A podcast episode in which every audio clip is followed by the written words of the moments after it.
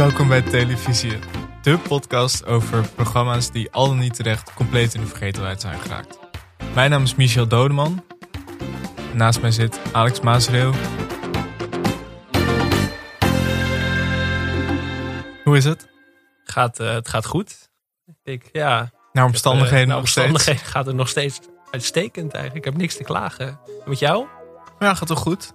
Ja, wel, wel prima. Mijn haar is wel heel lang. Ik, Wanneer ben jij eh, voor het laatst naar de kapper geweest? ja, drie maanden geleden. Oeh, ja.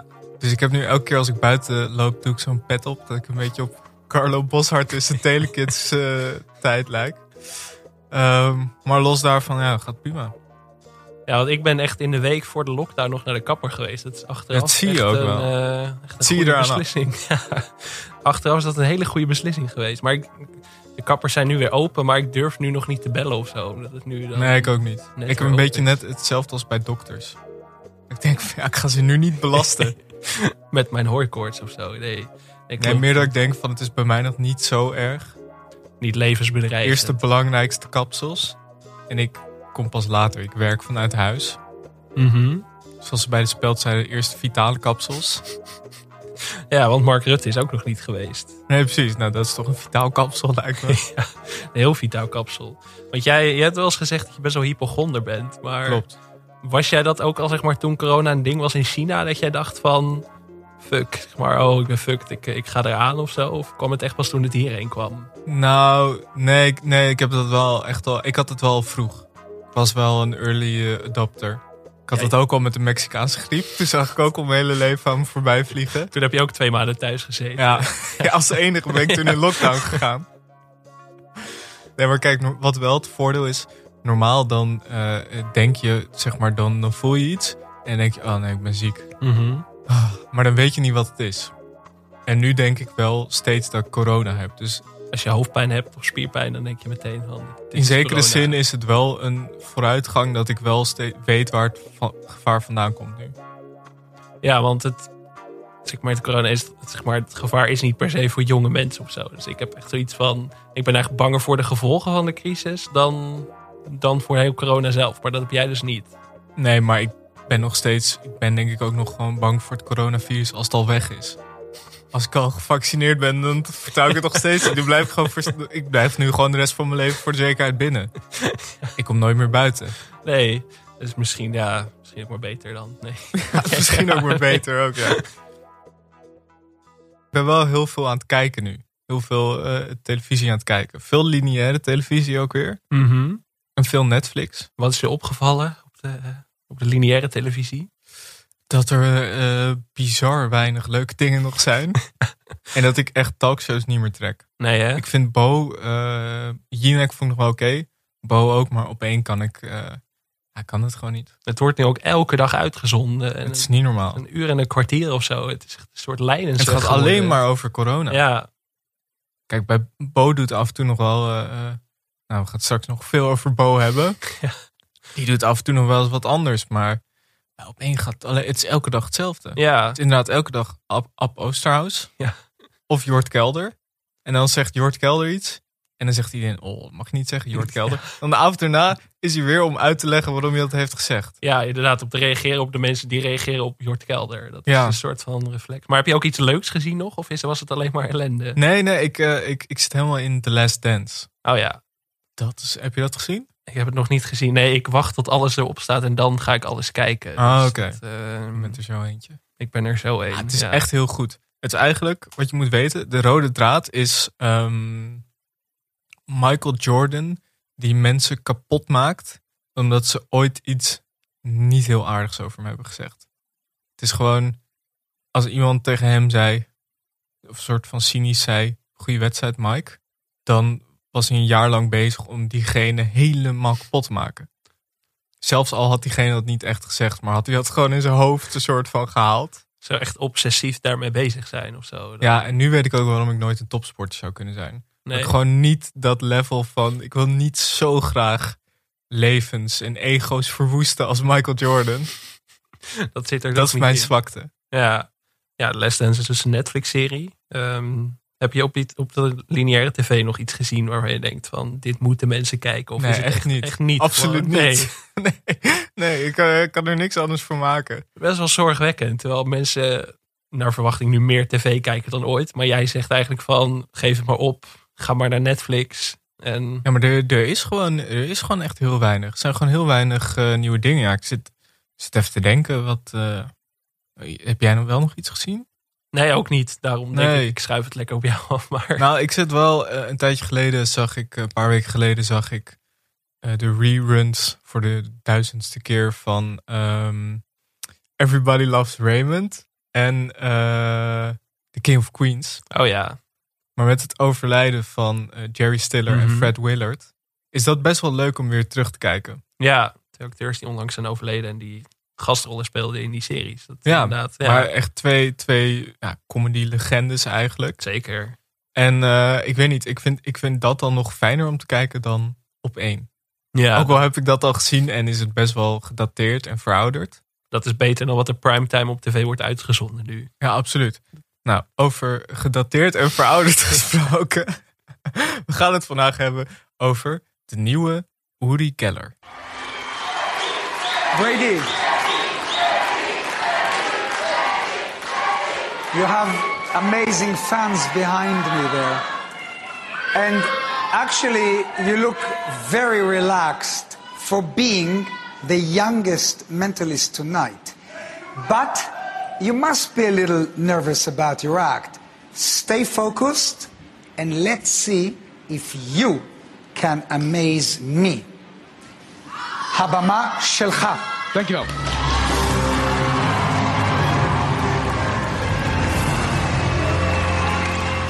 Ik, eh, ik vond het heel surrealistisch om, eh, om eh, de nieuwe Uri Geller terug te zien. Sowieso omdat wat me als eerste opviel, was dat iedereen superveel ontzag had voor Uri Geller. Ja, hij was echt, echt een soort van God. filmster of zo in Ja. die tijd. Maar ik probeerde ook op te zoeken waar dat op gebaseerd was. Maar het was gewoon echt in 2009 of zo was Uri Geller ineens op tv. En ja, hij, had natuurlijk, hij is vooral bekend geworden van die act met die lepels, die buigen. Mhm. En daar is gewoon toen een heel tv-programma omheen gebouwd. En hij werd echt... Maar het valt mij sowieso op dat in Nederland eh, mensen, juryleden die geen Nederlands kunnen, die worden altijd heel erg voorafgegoot. hoe heet Net die man ook? Dan? Mark Carity. Forno heb je ook gehad. Oh, Mark Forno, Dan Carity, ja, ehm, die man van Maestro. Oh ja.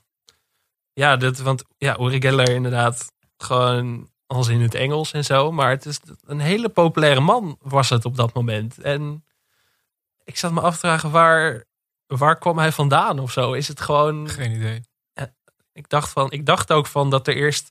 Dat hij meedeed aan een talentenjacht of zo. Maar dat bleek helemaal niet waar te zijn. Maar Nou, hij is de talentenjacht. ja, hij is de talentenjacht. En hij was er ineens. Dat ik denk van, hoe is SBS ooit bij die man uitgekomen? En hebben ze daar een show van drie seizoenen zijn er geweest in totaal? Ja, wij hebben, wij hebben de eerste live show van het derde seizoen Ja. bekeken. Die nog allemaal op YouTube te vinden zijn. Ehm, Leuke thuisquarantaine tip. hele leuke thuisquarantaine tip. Ja, ik moet zeggen dat het ook, zeg maar, ik had eerst een paar fragmenten dat ik dacht, is wel oké. maar toen ging het langzaam meer het surrealistische kant op. En toen werd het wel echt leuker. Ik vond het eigenlijk sowieso heel leuk om Ja. te kijken. Wat heb jij toen destijds gezien? Toen het werd uitgezonden? Nee, volgens mij niet. Ik kan me het niet herinneren. Ja, ik wel. Ik heb het volgens mij best wel vaak gezien toen in die tijd. Maar jij hebt ook wel alles gezien. alles gezien. Ik zat alleen maar voor de tv als kind. Ik kwam nooit buiten. Ik was gewoon eigenlijk al een soort lockdown af van de letteren gewoon aan het houden altijd. Maar nee, maar ik dacht wel dat het één seizoen had en dat het best wel geflopt was of zo. Maar toen kwam ik achter dat het drie seizoenen had en dat het echt... Nou, ik kan, ik kan me nog wel herinneren dat het destijds... eh, dat het best wel... Uri Geller was wel een ding in dat programma ook wel. Ik had, het er, ik had het er vandaag met mensen over toen ik dit vertelde. Dat we dit programma gingen bespreken. Mhm. En, en die zeiden toen van ja... Iemand zei... Ja, ik weet nog wel dat een vriendinnetje van mij op de, op de middelbare school... Mhm. dat die hem altijd nadeed. Toen dacht ik, was dat een ding? Maar ging die dan naar lepels, Ja, lepels le- buigen lepels of zo in de kantine? Of hoe? Ja, maar in principe als je, als je, als je heel hard... Ja, als je heel hard aan zo'n lepel trekt, dan buigt hij gewoon. Dus dat is, zo, dat is nou ook weer niet de kunst. Nee. Het is natuurlijk een ding dat je het met je, met je mind doet. Ja, maar dat lukte die persoon niet. Nee, nee, destijds. het was, gewoon, was gewoon rachen met een lepel. Ja, wel En welk, welk jaar was dit trouwens? eh 2000, 2009 en 2010 werd het uitgezonden. Of Oké. 2008 tot 2010. En best goede kijkcijfers, toch? Best goede kijkcijfers. Ze zaten echt, nou, gemiddeld op 1,6 miljoen volgens mij. Maar ze hebben ook de twee wel eens aangetikt. Dat is ook weer de rode draad. Waar het, be- door al onze programma's inderdaad. Dat ze best wel goed bekeken worden. Dat het, eh, Maar Uri Geller is ook weer typisch zo iemand. Dat wat jij zegt, dat als je die naam dropt. Dat iedereen zegt, oh ja, dat was die guy van die lepels. Weet je wel. Maar, Ja.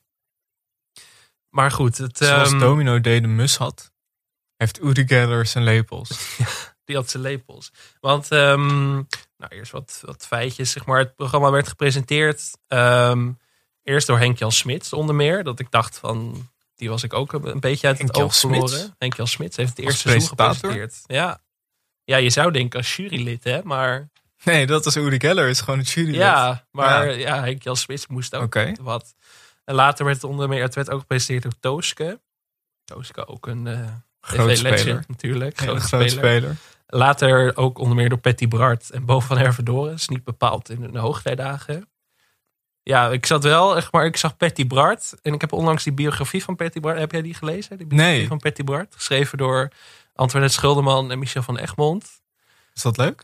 Het is, het is leuk, maar het, is in zekere zin ook traumatiserend. Maar er, er staan passages in die, die je niet wil lezen. zeg Maar dat, ik, ik, ik merkte nu voor het eerst dat ik, ik zag Betty Bart nu voor het eerst in dit, dit programma terug sinds ik dat boek gelezen heb.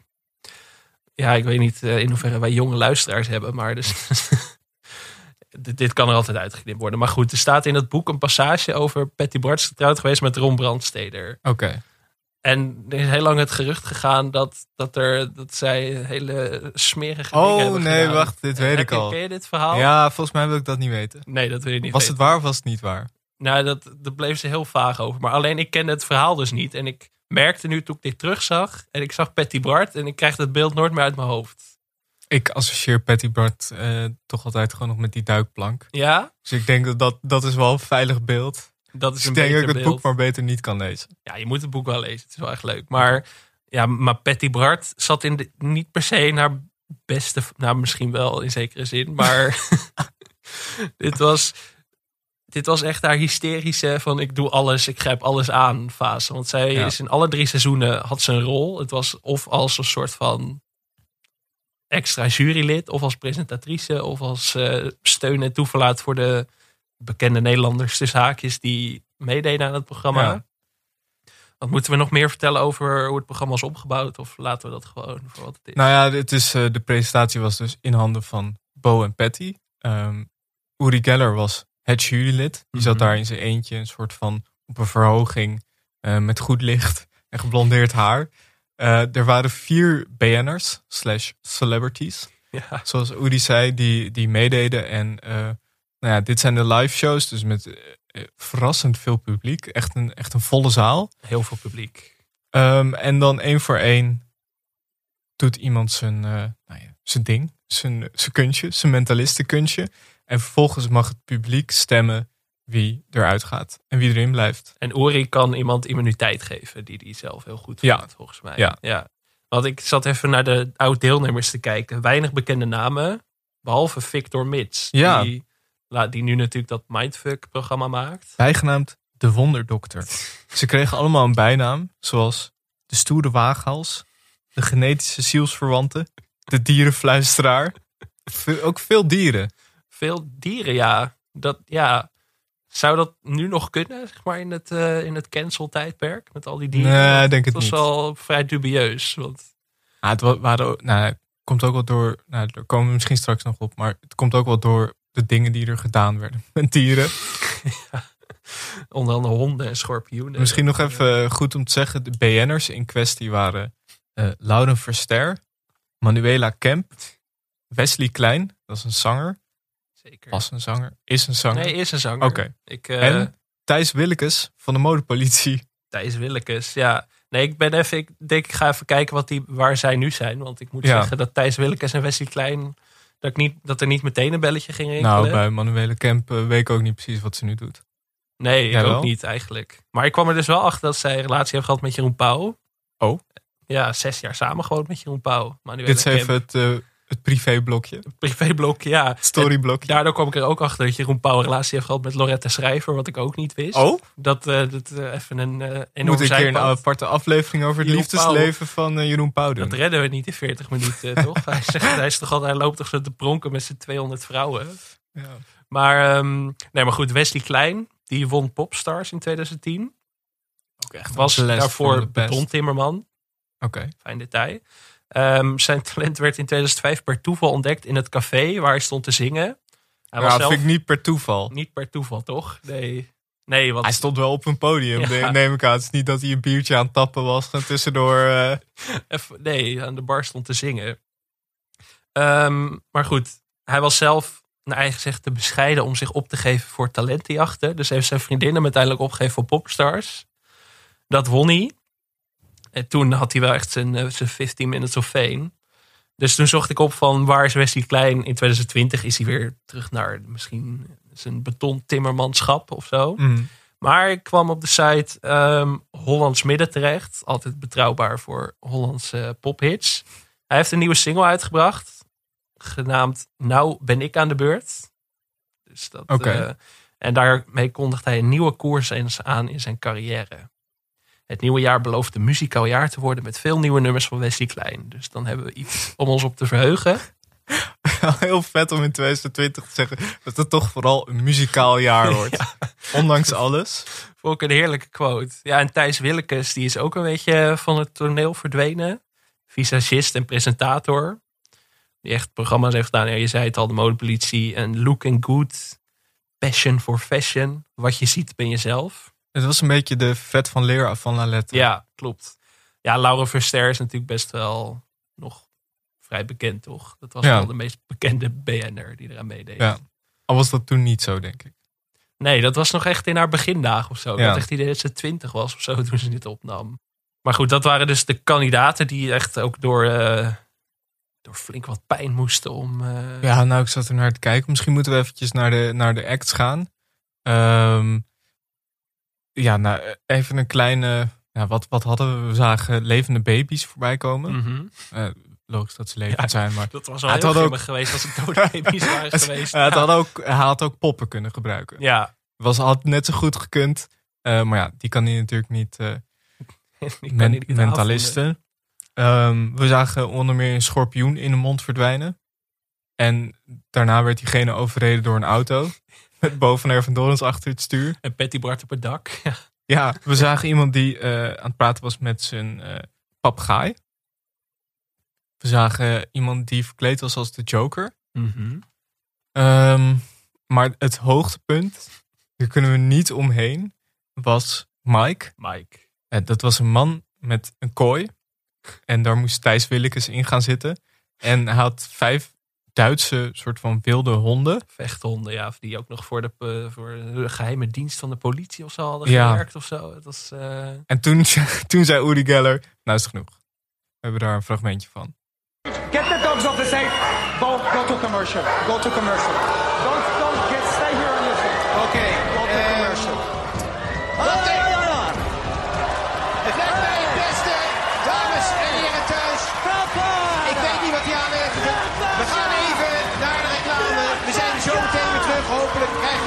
elkaar. Tot zo.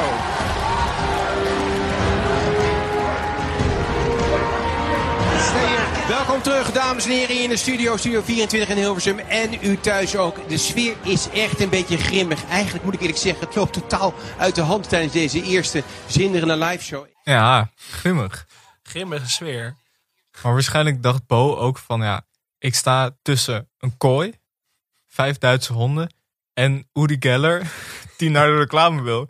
Wat moet je dat doen? Ja, Ja. je moet maar naar de reclame gaan. Het viel me sowieso op dat Uri Geller had heel erg zoiets van, dit is mijn show. Het is mijn show. en Dit jij heeft hij een keer mijn- of vijf gezegd. Ja, Dit is mijn show. Dus ik bepaal wat er gebeurt. dat kwam er heel duidelijk in naar voren. Dat Bo werd, was een soort van loophondje van Uri Geller eigenlijk. Ja, Ja, dat, ja. Bo zei even hier later ook nog van... Ik wil gewoon dat iedereen liefde naar elkaar gaat tonen. Voordat, Ja, precies. eh, voordat de act losbarst. En ik denk van... Maar goed, Mike had dus vechthonden mee. En Thijs Willekes zat in die kooi. Uiteindelijk, ze gingen naar de reclame. Maar het ging natuurlijk wel door. Heb jij ooit gedacht dat het zou, echt zou stoppen of zo? Dat ze zeiden van, dit gaat niet door? Nee, maar er zijn heel veel dingen waarvan ik niet had verwacht dat ik dat ooit zou zien. En het kwam allemaal in dit programma. ik moet zeggen, ik was, ik was wel erg geboeid. Ja, Het, eh, het had me wel. eh, ik dacht eerst van tevoren van, nou ja, het is toch een beetje een moedje. Ik vond het ook wel weer lang duren. Al die Mhm. programma's waren heel lang toen. heel lang. Ja, Dit was ook inclusief reclames volgens mij wel weer anderhalf uur. zeker. Maar ik zat er helemaal in. Ik bedoel, eh, als je een schorpioen in je mond doet. Ja, ik had het niet willen zien, maar ik blijf wel kijken. Ja, je blijft toch geboeid. Nee, ik had bij Mike inderdaad wel dat ik denk, oké, nu zijn we los. Zeg maar, Mike kwam Ja, op het podium ja. op. Ik ben Mike en ik ben nergens bang voor. Weet je, dat is toch lekker dat je gewoon Ja. meteen losbarst. En, En, en Uri Geller vroeg toen, ben je er klaar voor? Toen zei Mike, ben je klaar voor mij, Uri Geller? I don't want to see blood on this stage, zei Uri Ja. Geller toen ook nog. Dacht ik wel, dit is lekker, dit is lekker. Maar, maar goed, uiteindelijk liep het best wel met een sisser af. Het was een beetje, ik vond het een beetje een freakshow of zo. Ja, Ik had, eh, ja, ik weet niet, bij die, bij die Mike ook en bij die andere mensen. Ik dacht, het, voelde niet helemaal goed om er naar te kijken of zo. nee hè? Nee, dacht- ook bij die The Joker en zo. Het is toch allemaal... Ja, ik, ik had toch een beetje het idee dat, ja, je geeft die mensen een podium. Mhm. En die willen heel graag door natuurlijk. Die doen dan misschien dingen die dan net niet goed voor ze zijn. Vooral natuurlijk die man die die auto over zich heen liet rijden. Terwijl die op een spijkermat lag. Ja, ja, nou ja, dat zou je, ik weet niet, ik zou dat nu niet zo snel meer op televisie eh, zien gebeuren. Ik denk het ook niet. Het is toch wel een soort van exploitatie of zo in die zin misschien. Zo makkelijk amusement of zo. Dat je denkt van alles maar om zoveel mogelijk publiek te trekken. En het, En wat ook heel raar was, was dat eh, de laatste deelnemer, dat was Kevin. Met de Mhm. papegaai. Dus zijn act ging niet helemaal goed. En toen onderbrak Uri hem halverwege en die zei... eh, I want to save you from this eh, embarrassment. En die stuurde hem gewoon naar huis. Terwijl er nog gestemd moest worden. ja. Maar ja, ik dacht, al die mensen hebben al... Dit was trouwens ook nog echt het gouden tijdperk van stemmen. Mhm. Het telefoonstemmen.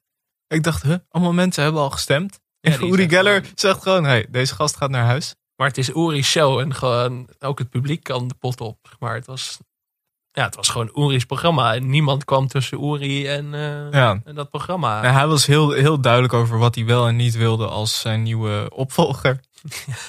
was hij heel streng in. Want als je ook eh, kijkt op de Wikipedia-pagina van dit programma, dan eh, zie je ook dat, dat er behoorlijk wat conflicten zijn tussen Uri en deelnemers. En Uri was lang niet altijd eens met deelnemers. Hij had gewoon echt een heel duidelijk beeld van wie de nieuwe Uri moest zijn. Ja, want op een gegeven moment toen had het publiek ook iemand doorgestemd. En daar was hij het ook niet mee eens, toch? Dus die heeft hij alsnog luis laten gaan. Ja.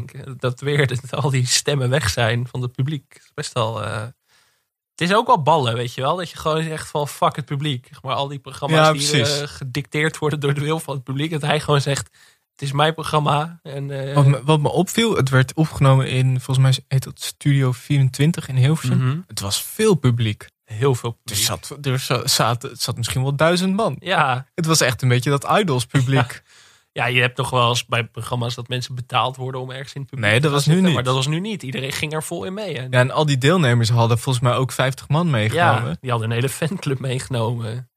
Ja, bizar wel, hè? Ja, dat is... Maar ja, zou je zo'n freakshow nu nog apart kunnen... Ja, freakshow, laten we het maar even zo noemen. Zou dat nu nog werken, denk je? Ja, weet ik niet. Denk het niet. Het was toen toch ook een beetje... Ja, op zich, kijk, ik vond het wel heel vermakelijk. Mhm. Vond het wel best leuk. Maar ik weet niet of het nu nog gemaakt zou worden. Misschien te veel ethische... Als, als datingprogramma's à la Temptation Island al een beetje onder vuur komen te liggen voor dat soort dingen, denk ik niet dat dit. En kijk, eh, het was ook gewoon een beetje ja, met die baby's en die dieren en zo.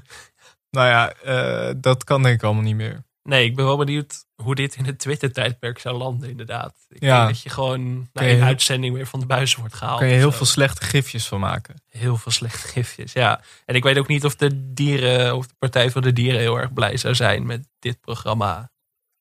Met de Nee. schorpioen en de, de vechthonden. Vechthonden, ja, maar het was ook een beetje dat ik dacht. Ja, ik weet niet. Ik vond het ook een beetje. Kijk, er, er doen natuurlijk vier BN'ers of celebrities aan mee. Ja, En ik dacht ook van ja, maar wat nou als Thijs Klein gewoon doet alsof hij inderdaad niet meer een liedje kan zingen? ja. Ja, dat, ja, want inderdaad, dat was zijn act van... hij ging een soort van in zijn hoofd kuipen... waardoor hij het refrein zou vergeten, die Ja. Wesley Klein. Ja. Dat je, ja, Kijk, niet dat ik de integriteit van iemand die ik tot vanochtend niet kende in twijfel wil trekken. Absoluut niet. Eh, maar toch, ik, ja, ik weet niet. Je hebt er niet echt bewijs voor. In zekere zin is dat natuurlijk bij eh, Victor Mits ook Mhm. zo. Maar Ja, dan dat- heb je het op, op, op beeld. Zeg maar, dat de kijker weet het ook niet. Terwijl Mhm. hier denkt de kijker, nou ja, eh, hoezo? In Ja. principe bij, bij Victor Mits hoeft de, de ontvangende partij niet zoveel te doen. Behalve te kijken en te denken, wow, what the fuck? het gebeurt hier. Ja. Dit is bizar, dit is ongelooflijk. is bizar. Maar dat zit natuurlijk wel een beetje ook in dat mentalisten, illusionisten genre of zo ingebouwd of zo. Je hebt altijd een soort van suspension of disbelief nodig of zo. En dat, Ja, merk dat hier soms wel lastig ging. Zeker bij dat refrein niet kunnen zingen, dacht ik wel van ja. ehm, ik weet niet of ik dit heel schokkend vind of zo. maar daarom vond ik het wel leuk dat die laatste persoon werd weggestemd. Ja, dat, dat wel. Want die vroeg aan Laude Verster, is dit het voorwerp dat jij in je hoofd had? En toen zei ze, nee. ja. dat was wel echt heerlijk. Ja, maar goed, die, over die ehm, ongeloofwaardigheid gesproken. Uri Geller was ook voordat hij een hit werd in Nederland al vrij controversieel. Ja, Toch? hij zat wel in een knorreclame. Ja, in 2004. 2004. Ja. Dat Hij heeft er niks mee te maken, maar nee, maar toch een leuk detail. ja. Maar ja, ook gewoon zijn hele geschiedenis, zeg maar. In eerste instantie verklaarde hij dat hij zijn gaven afkomstig waren van buitenaardse wezens. Oké. Je denkt, oké, nou dat, eh, dat Kan, kan. kan gebeuren. Maar later zei hij toch van nee, God heeft me deze krachten gegeven. Nou ja, weet je, dat vind ik ook nog wat voor te zeggen. Een andere verklaring zei hij dat hij in zijn jeugd geraakt was door een lichtstraal. Dat, Oké, ja, dat vind ik niet geloofwaardig. nee, dat... dat wat, wat, wat vind jij de meest geloofwaardige theorie? Ik, Eh, dan toch wel God, Ja? denk ik. Ja.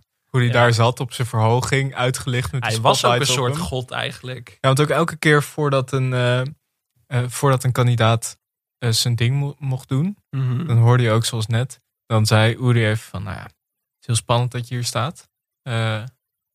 Doe je ding. Overtuig me maar.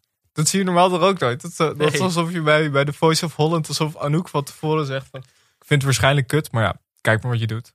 Ja, dit is mijn podium en zo. Heel Dit erg mijn mij. podium, ik wil ja. geen bloedsnee op mijn podium en zo. En Het is mijn programma. Ja. Het heet ook de nieuwe Uri Geller. het was inderdaad wel echt zijn Het programma. was echt zijn Ja, programma. Want, Het is niet alsof je Henk, Henk-Jan Smits op zijn plek kon neerzetten, dat het dan nog hetzelfde programma was. Ik weet ook niet of de nieuwe Henk Jan Smits show zou werken. Ik vind het wel een leuk, leuk experiment. Misschien moeten we dit gewoon een keer gaan, gaan doen. Maar, maar, nee, het ja, Het was wel een jaar geleden, of, of sorry, een jaar daarna, deed ene Richard mee aan Mentalisten ontmaskerd.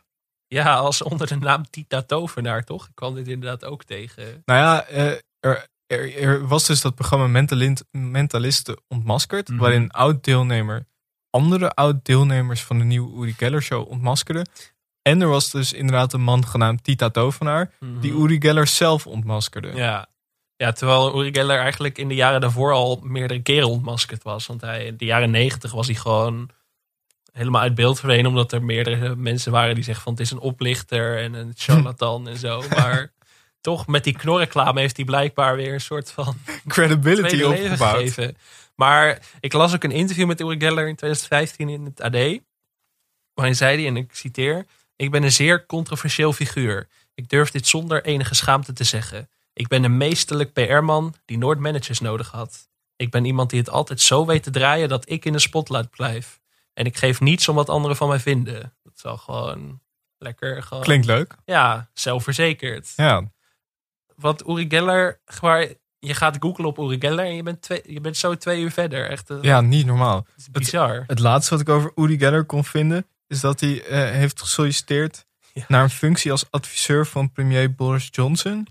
En hij schreef in zijn sollicitatiebrief dat zijn baan in de entertainmentindustrie een dekmantel was. En in werkelijkheid zou hij een spion zijn van de CIA en de FBI. Ja, en hij zou ook geholpen hebben bij operatie Desert Storm en het lokaliseren van geheime tunnels in Noord-Korea. En hij, zou, hij zei in datzelfde stuk ook dat hij had bijgedragen aan de verkiezingsoverwinning van Boris Johnson. Omdat hij diens medewerkers een lepel gevuld met positieve energie heeft gegeven. Dus nou ja, Het is een beetje, een beetje Sean Troost is het. ja het is eigenlijk een soort van... De, ja, de opper John Troost of zo. Een soort van... De Israëlische John Troost. Maar hij woont nu ook in Engeland, toch? Ja. ja, precies. Want hij, ja, er is dus ook een heel verhaal, inderdaad, stond in 2017 in de Volkskrant dat hij de CIA voor de gek heeft gehouden en zo. Nou, ik raad je echt aan om dat te lezen, want het is echt te bizar voor woorden. Dat hij, eh, Maar hoe heeft hij dat gedaan? ja, dat, het is een heel ingewikkeld stuk, maar hij heeft gewoon, hij was een soort van proefpersoon volgens mij voor de CIA. En ehm, ja, dat, hij heeft gewoon die medewerkers misleid of zo. En daardoor kwamen er hele andere onderzoeksresultaten uit. Ja, het is een heel vaag verhaal. Ga het verhaal vooral lezen, zou ik zeggen. Een soort Want spookvoetballer. ja, Spookmentalist. ook mentalist. Ja. Spookmentalist Uri Geller. Maar goed, je kunt je lol dus op als je gaat googlen op Uri Geller. Want er zijn echt heel veel verhalen over die man. Dat je denkt van, hier moet een film over gemaakt worden eigenlijk. Ja, dit is mijn gebrekkige research. Maar ik snap dan nog steeds niet helemaal hoe hij dan opeens bij SBS 6 bij het programma eh, terecht is Ja, gekomen. dat, dat heb ik heel erg naar gezocht, maar dat kon ik ook niet vinden. Waar, waar het toen gebeurd is in 2008, dat iemand hem opgepikt heeft. Dat, Maar het was uiteindelijk best een goede keuze als je kijkt naar de kijkcijfers. Want die shows werden regelmatig door anderhalf miljoen mensen bekeken. Soms zelfs 2 miljoen, soms 1 miljoen. ja, Eh, vooral, vooral in het begin was dat volgens mij. En die finales waren best wel een, eh, een evenement. ja, maar waar dat nou precies aan ligt, dat weet ik niet zo goed. Heb jij daar een verklaring voor? Nee, maar volgens mij was dit, dit wel de tijd van, eh, van echte competities. Mhm. Voor, voor mijn gevoel had je in die tijd, eh, alles was een competitie. Je had eh, Ja, sterren springen, sterren dansen op het ijs, eh, popster gezocht. Eh, nou, er, werden, er werd van alles gezocht en gevonden, al dan niet. echt de talentenjachten, die floreerden toen als nooit tevoren. Ja, en er werd toen, er werd toen heel erg gebouwd op die, op die spanning en het, het doorgaan naar de finale en mensen een keuze laten geven. Dus Mhm. ik denk dat daar eh, dit ook alweer het voorbeeld van is. Want dat, dat heb je nu helemaal niet zo heel veel meer. Nee, Het gaat ja, meer hebt in- via juries volgens mij nu. Ja, ja zie je, hebt nog wel dingen als Holland's Got, Holland Got Talent en zo. Ja. Daar zie je ook nog wel eens van die freak-achtige mensen voorbij komen of zo. ja. Maar dat is nooit meer zo. Een beetje die uitlag tv is ook weg. Ja, Wat je bij Idols had. ja, ik heb het idee dat dat wel echt dat afzeiken of zo is ook wel een beetje. Stel nou dat SBS volgende week aankondigt van we gaan een, eh, een nieuwe, nieuwe Uri Geller show maken. De nieuwe Victor Mits. nieuwe Victor Mits. Ja, bijvoorbeeld. Zit daar wat in, denk je? Ja, denk wel. Maar dan, eh, ik denk wel serieus dat het dan de nieuwe Victor Mits of zoiets zou moeten zijn. Want die is toch wat cleaner. Ja, Ik denk dat je wat meer een beetje in het goochelcircuit of de nieuwe Hans Klok of zo. ja niet de shady business van Uri Geller. Nee, de nieuwe CIA-agent. Ja. Nee, ik denk, ik, denk dat het, ik denk dat het nog wel kan. En ik denk dat, het, dat mensen er misschien ook wel nog naar zouden kijken. Maar dan zou het wel aan die baby's en die, eh, die dieren in monden en eh, die kooien en zo. Daar kom je allemaal niet meer mee weg. Dat werkt niet meer. Het hoofd van Manuela Kemp in de fik zetten. zonder dat ze het door had. Daar, werd, daar was Uli, ook eh, woest om. Ja, Uri was heel vaak boos ook, viel me op gewoon eigenlijk. Nou, hij is heel streng. Ja, Pas. steeds. Maar goed, als de nieuwe Victor Mits, is daar nog een rol in weggelegd voor Uri Geller? Want eh, nee, denk ik niet. ik denk het niet. Uri Geller is wel klaar. Die, eh, die laten we misschien beter in de vergetelheid of zo. Of er moet een Netflix-serie of zo over hem komen. Dat zou ik wel Dat zou ik, vinden. ik zou wel een documentaire willen zien. Ja. Of een serie inderdaad. Maar eh, als jurylid denk ik niet meer... nou, ik durf, durf bijna niet zeggen. Want je weet niet met zijn CIA-banden wat hij allemaal... voor shit over ons heeft. Maar nee, maar de nieuwe Victor, Victor Mits trouwens, die ging er in de kwartfinale uit. In de nieuwe Ja? Show. Die is gewoon, die heeft helemaal niet gewonnen. maar achteraf, eigenlijk is het ook beter als je niet de Uri Geller, nieuwe Uri Geller bent. Ja, je eindigt niet per se heel erg. eh, Nee, want ik heb, ik heb van de nieuwe Uri Gellers hebben we ook niet zo heel veel meer eh, gehoord, toch? Nee, Victor Mits is eigenlijk de enige. Maar ehm, dat was het ook wel. Ja, ik zag nog wel één leuk ding. Ik zag dat ehm, je had in het tweede seizoen dat je Vampier Vincent. Ik weet niet Oké. of, je- of je die kent. Ja, die ken ik wel van naam. Ja, die, die ook vrij controversieel. Die had ook de hele tijd ruzie met Uri Geller. Die deed iets met, met bloed of zo. Ja, dat klopt. Ja. En toen zei Uri Geller inderdaad weer van... I don't want to see blood on my stage. Maar ehm, dat leidde er uiteindelijk toe dat er door christenen... een gebedsactie voor hem werd gehouden. Omdat hij zich bezig zou houden met zwarte magie. en een duivelskunstenaar zou zijn. Dus daar waren de christenen behoorlijk boos over. En toen ging ik opzoeken waar is vampier Vi- Vincent gebleven. Maar dat is best wel een zielig verhaal. Zo. Die zit nu in een rolstoel in een Oh, leger des nee. heils en zo. Dus dat, eh, Oh jeetje. ja, wel grimmig. Maar dan toch zijn, ja, toch zijn momentje van fame gehad. En dan is hij nu hopeloos geëindigd. Dat, eh, Esso eh, Vampier Vincent. Esso ik hoop dat het goed met je gaat. Ja, Vampier Vincent klinkt een beetje alsof je uit dezelfde categorie komt als Terror Jaap. ja, ja, ik vind het lullig om nu te zeggen dat hij in diezelfde categorie zit. Door zijn terug, eh terughuidige staat. Maar ehm, Het is tijd voor de Steve Kuipers Award. ja, Wie kies jij? Nou ja, als je naar het gastenbestand keek van wie er allemaal aan de BN'ers als BN'er in de show zaten, dan eh, heb je heel veel keuzes. Mhm. Ehm, ik ben toch voor Thijs Willekes gegaan. Ja, ik zat ook eh, te twijfelen tussen Thijs of Manuele Kemp. Ja, maar Manuela is nog net iets minder bekend of zo, denk ik. ik Nou, ik Ik denk had- voor, voor de generaties voor ons ja, juist weer bekender. ja, Maar voor onze generatie, wij zijn natuurlijk opgegroeid met. Ik zeg natuurlijk, die zin ga ik niet afmaken. Thijs heeft ooit de modepolitie gemaakt en dat heb ik inderdaad wel eens voorbij zien komen. ja, ja. En ik heb geen idee, ja, ik, ik, zag, ik kwam voorbij zijn Instagram en ik zag dat hij eh, blond is tegenwoordig. Oké, Maar heel veel meer kon ik er ook niet eh, wijs uit worden. dus, ehm, maar goed. Ja, hoe, eh, hoe hoog scoort hij op de Steve Kuipers eh, ranking? Solide 7. Maar je ziet, kijk, eigenlijk klopt het, is dat, klopt het niet helemaal, want je ziet hem niet meer. Nee, hij is een beetje uit De magic van de. Steve Kuipers is natuurlijk wel iemand die altijd overal opduikt. Ja, Maar in die tijd was het wel zo. in die tijd was hij wel een soort van ster in zijn eigen... Maar weet je wie er nog meer allemaal meededen? Ja, ik heb ehm, Lieke van Lexmond was de gast. Victor Brandt was de enige BN'er die te gast was in alle drie de seizoenen. Oh, Dus Victor dat, Brandt. eh, Victor Brandt. ook goed. Maar ook Rob Geus, Kim Lian van der Meij, Geert Hoes, Catherine Keil, Wilma Nanninga en Boer Frans uit Boer Zoekt Vrouw. Voor Frans. ja, geen idee wie het was, maar die was ook de gast. Dus, ehm nou ja, maar laten we hem aan Thijs Willekes geven, denk Ja. ik. Dat is wel, eh, lijkt me een mooie. Voor, voor die tijd was het nog best wel een goede, goede, goede lijst met namen. Voor die tijd wel, Wilma maar Nanninga. Wilma Nanninga, Wauw. die is ook gewoon verdwenen. Ja, Ja, die is natuurlijk opgevolgd door Evert Zandgoed uiteindelijk. Echt zo'n roddeljournalist. Maar goed, laten we hem gewoon aan Thijs Willekes geven. prima. En laten we, als iemand weet eh, of er een tv-comeback in zit voor Thijs, dan... eh, Of voor Uri Geller. Of voor Uri Geller. Dus Ben, of ken jij Uri Geller? Laat het ons weten. Nou, liever, ik wil geen contact met Geller. Nee? Alleen als je hem kent. Ook niet als, je, als hij een lepel met positieve energie gaat geven? Ja, dan misschien wel. Ja. Goed voor de luistercijfers. Nou, dit was eh, de nieuwe Uri Geller. Heb je zelf een programma dat je eh, wil nomineren of waarvan je wil dat wij het bespreken? Nogmaals, ik zeg het elke keer. Ik zou niet weten waarom, maar misschien zijn er mensen die dat leuk vinden. We staan open voor suggesties. We kregen, we kregen een suggestie. Char. Misschien dat we die nog een keer eh, gaan doen. Eh, stuur, stuur een berichtje naar, eh, naar Alex. Niet naar mij. nee, mag ook naar mij. Dit was hem dan. Tot de volgende keer. Tot de volgende keer.